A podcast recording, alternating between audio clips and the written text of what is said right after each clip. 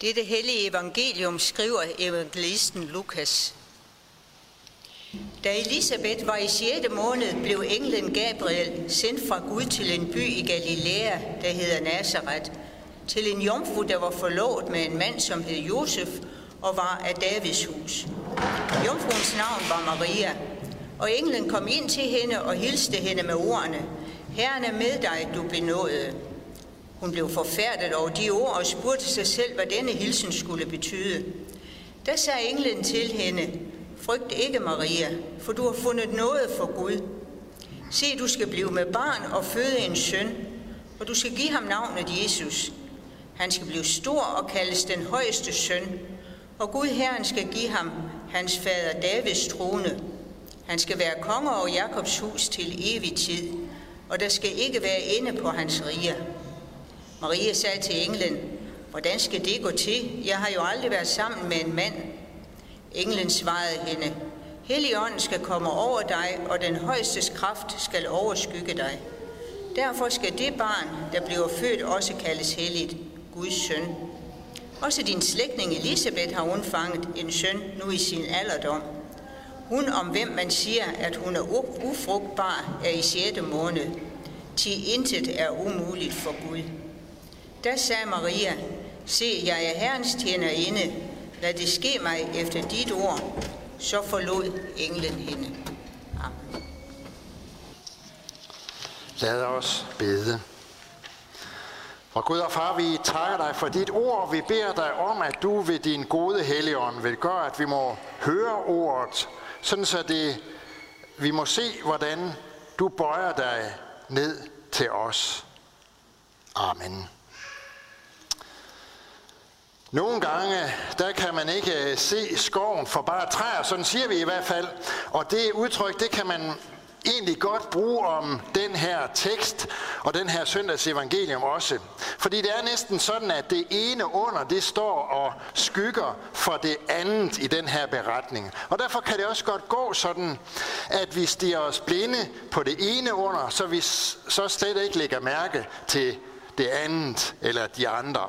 Vi skal prøve at se, om vi kan nå omkring det hele i dag. Se, hvor store under det er, Gud i virkeligheden gør for os. Og vi begynder med Maria, der får besøg af englen Gabriel. Det er Guds ærkeengel. Den engel, som Gud bruger til at give besked til mennesker om det allervigtigste. Og det er det allervigtigste, det handler om her, hvor Maria får at vide, at hun skal føde en søn, og hun skal give ham navnet Jesus. Jesus, som betyder Herren frelser. Maria har på det her tidspunkt sandsynligvis ikke været mere end en pige på en 13-14 år. Hun har altså det er knap nok været en ung kvinde, i hvert fald en, en, en, en ung pige. Så der er sådan set ikke noget at sige til, at Maria bliver forfærdet, da hun bliver mødt af englen, bliver forskrækket over det budskab, som Gabriel fortæller hende. Hvordan skal det gå til? Jeg har jo aldrig været sammen med en mand, svarer Maria. Maria var trolovet med Josef. Det er, hvis, hvis vi ser sådan på det, så er det lidt mere forpligtende, end når to mennesker her hos os bliver forlovet og tager en ring på fingeren. Det betyder, at de to, Maria og Josef, var lovet til hinanden, og det var aftalt, at det var de to, som skulle indgå ægteskab. Men de var ikke begyndt på ægteskabslivet endnu, og derfor heller ikke begyndt på det seksuelle samliv, som alene hører til i ægteskabet. For de var troende jøder, og derfor levede de også efter de forordninger, som Gud havde givet dem og os for samlivet mellem mand og kvinde. Gud har sagt, at mand skal forlade sin far og mor og binde sig til sin hustru, og de to skal blive et kød. Det er det, der sker ved brylluppet. At en mand binder sig til sin hustru. Derfor læses den her tekst fra det nye testamente. De her ord af Jesus, de læses ved, nævnes ved hver eneste hvilelse her i kirken og i alle andre kirker også. Og når først det er sket, at en mand og en kvinde har bundet sig til hinanden, jamen så kan de to blive et kød og begynde på det ægteskabelige og seksuelle samliv. Det er klart, at det her, det står i skærende kontrast til det samfund, som vi lever i i dag. Men det ændrer sådan set ikke noget ved, at øh, hvad det er, Gud han har sagt om, hvordan det er, vi skal leve med hinanden som mænd og kvinder. Selvom vi ikke bryder os om at høre det, og jeg bryder mig sådan set heller ikke om at sige det, så er der ikke nogen tvivl om, at i Bibelen, der bliver det at leve seksuelt sammen med et andet menneske, som man ikke er gift med, det bliver kaldt for utugt. Derfor også synd.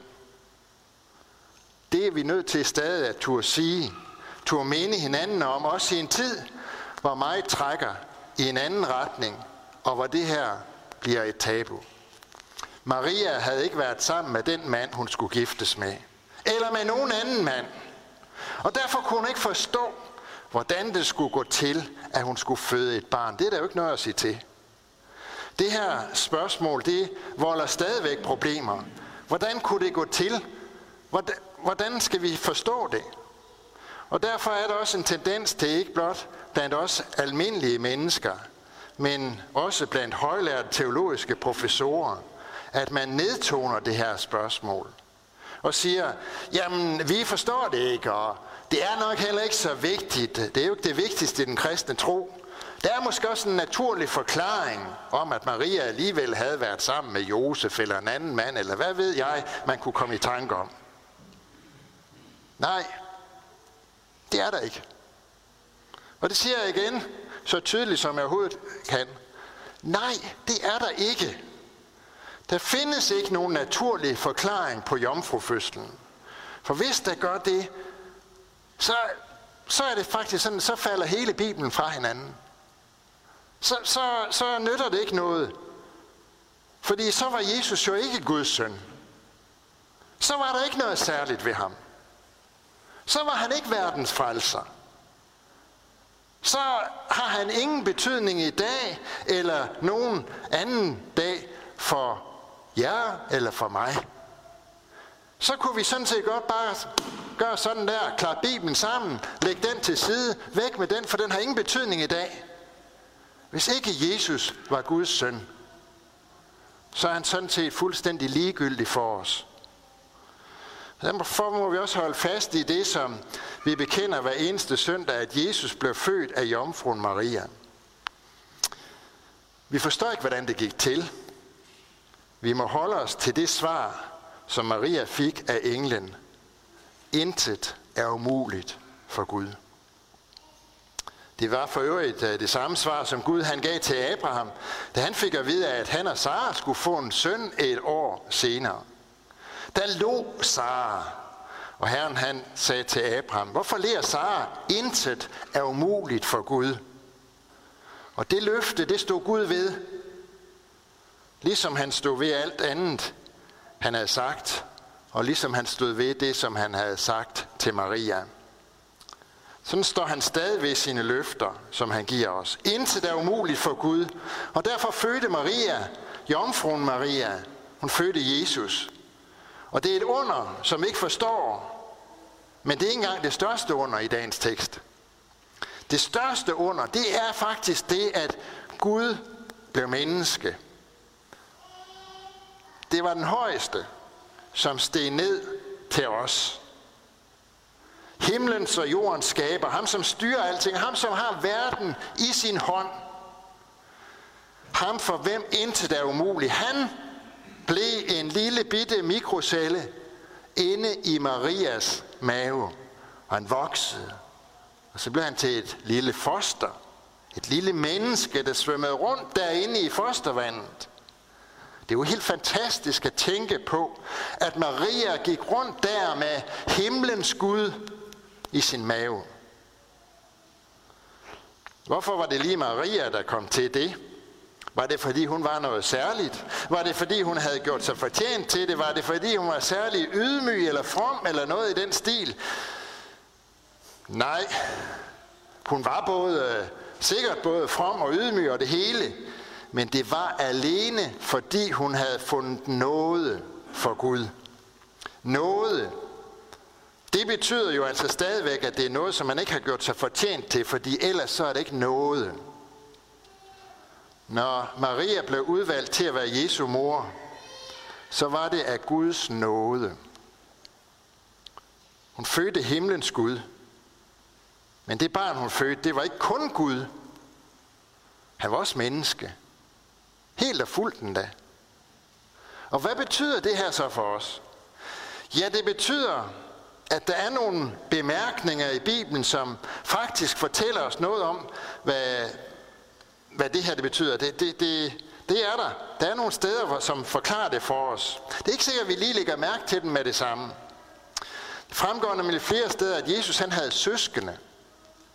I, øh, i Matteus evangeliet, der får vi endda navnene på dem, når der står, at folk undrede sig over Jesus og spurgte, er han ikke tømmermandens søn? Hed hans mor ikke Maria? Og hans brødre Jakob og Josef og Simon og Judas? Det vil sige, vi ved altså, at Maria og Josef, de fik børn efter Jesus. Fire sønner fik de. Og, og flere døtre, som vi ikke kender navnene på. Jesus blev simpelthen storebror. Han havde små søskende. Der falder jo altid et, øh, et vist ansvar på den ældste. Derfor kan det jo nemt have været sådan, at Jesus han lærte de her små søskende at gå. Måske var det ham, der hjalp dem med at lære at læse. Det har sikkert været ham, der tog dem med uden for hjemmets fire vægge og viste dem de spændende og mærkelige steder i byen. Måske var det ham, der lærte dem at bygge huler. Måske var det også ham, der hjalp med at lægge dem i seng om aftenen og give dem tøj på om morgenen. Det var ham, der var den beskyttende over for dem. Når der var nogen, som ville give dem øh, tæsk i skolen, eller hvad det nu var, der var galt. Sådan som en storebror gør. Sikke en storebror, de havde de her søskende. Han var Guds søn fra evighed. Og alligevel så var han altså deres storebror, som hjalp dem og tog sig af dem og forsvarede dem, når der var noget ondt, der truede dem. Og så fortæller Bibelen os, at de her søskende overhovedet ingen forståelse havde for Jesus, da han stod offentligt frem og begyndte at forkynde om Guds rige. Folk de flokkedes om ham. Mærkelige ting skete både her og der. Syge blev helbredt, onde ånder blev drevet ud.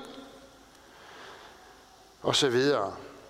Da hans nærmeste hørte det her, altså hans familie, hans søskende, så står der, at så gik de ud for at få fat på ham. De sagde, han er ude af sig selv. Det er bedst, vi får ham hjem, tænkte de. Det her, det går aldrig. Det er pinligt både for ham og for os. Det er jo egentlig ikke så mærkeligt, at de reagerede sådan. Fordi de kunne ikke forstå det. Ham, som de havde bygget huler sammen med. Ham, som de havde leget tage fat med og klatre de træer med. Han stod nu der og sagde, jeg og faderen, vi er et. Ham, som havde lært dem at cykle, han stod nu og holdt bjergprædiken og sagde, ikke en hver, der siger til mig, herre, herre, skal komme ind i himmeriget, men den, der gør min himmelske fars vilje. Ham, som havde lært dem at læse, han stod nu der og sagde, I har hørt det, der er sagt, men jeg siger jer. Det er vel egentlig ikke så sært, at de havde svært ved at forstå det her. Det, som de skulle finde ud af, det, som de skulle leve med, det var, at Guds søn var deres bror. Og det er faktisk det samme, der gælder for os. Og det er det samme, som vi skal se, og som vi skal forstå. Ordet blev kød og tog bolig blandt os. Sådan skriver Johannes. Og vi så hans herlighed. Jesus søskende, de forstod ham ikke. De tog afstand fra ham. Alligevel så blev han ved med at være deres bror. Han svigtede dem ikke, og så fortæller Bibelen os altså, at det, det efterhånden gik sådan, at de faktisk kom til at forstå ham. Eller i hvert fald kom til at tro ham. Hvordan det skete, det ved vi ikke, men i Apostlenes Gerning kan vi læse, at efter Jesus var faret op til himlen, så står der, de holdt alle i enighed fast ved bønden sammen med kvinderne og Jesu mor og hans brødre. I den her flok, som holdt sammen i troen på Jesus, i forventning om Helligåndens komme, der sad altså også Jesu brødre, Jakob, som senere blev leder for menigheden i Jerusalem, Judas, som skrev en af, et af brevene i Bibelen. Vi ved ikke, hvordan det skete, at de kom dertil, men vi ved det vigtigste, at de vendte sig til himlens Gud i tro på ham, som han havde udsendt, nemlig deres bror, deres storebror, Jesus. Det samme skal vi gøre, fordi det er sådan, man får fællesskab med Gud igennem vores bror, Jesus.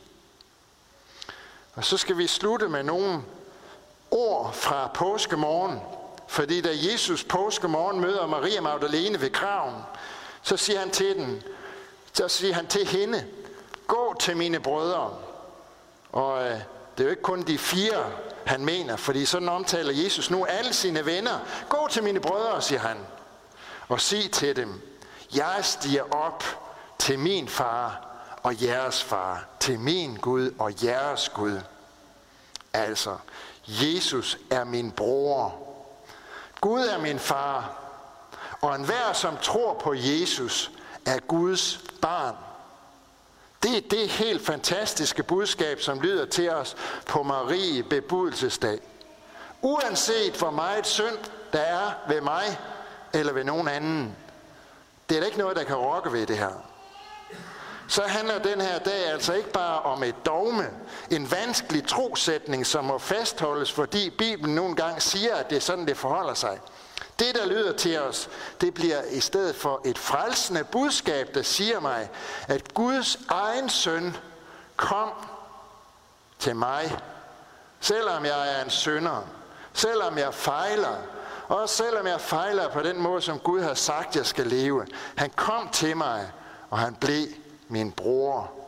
Et menneske som jeg, men uden synd. Et underligt budskab, men det er det budskab, der er evangeliet, og som vi kan leve på. Amen.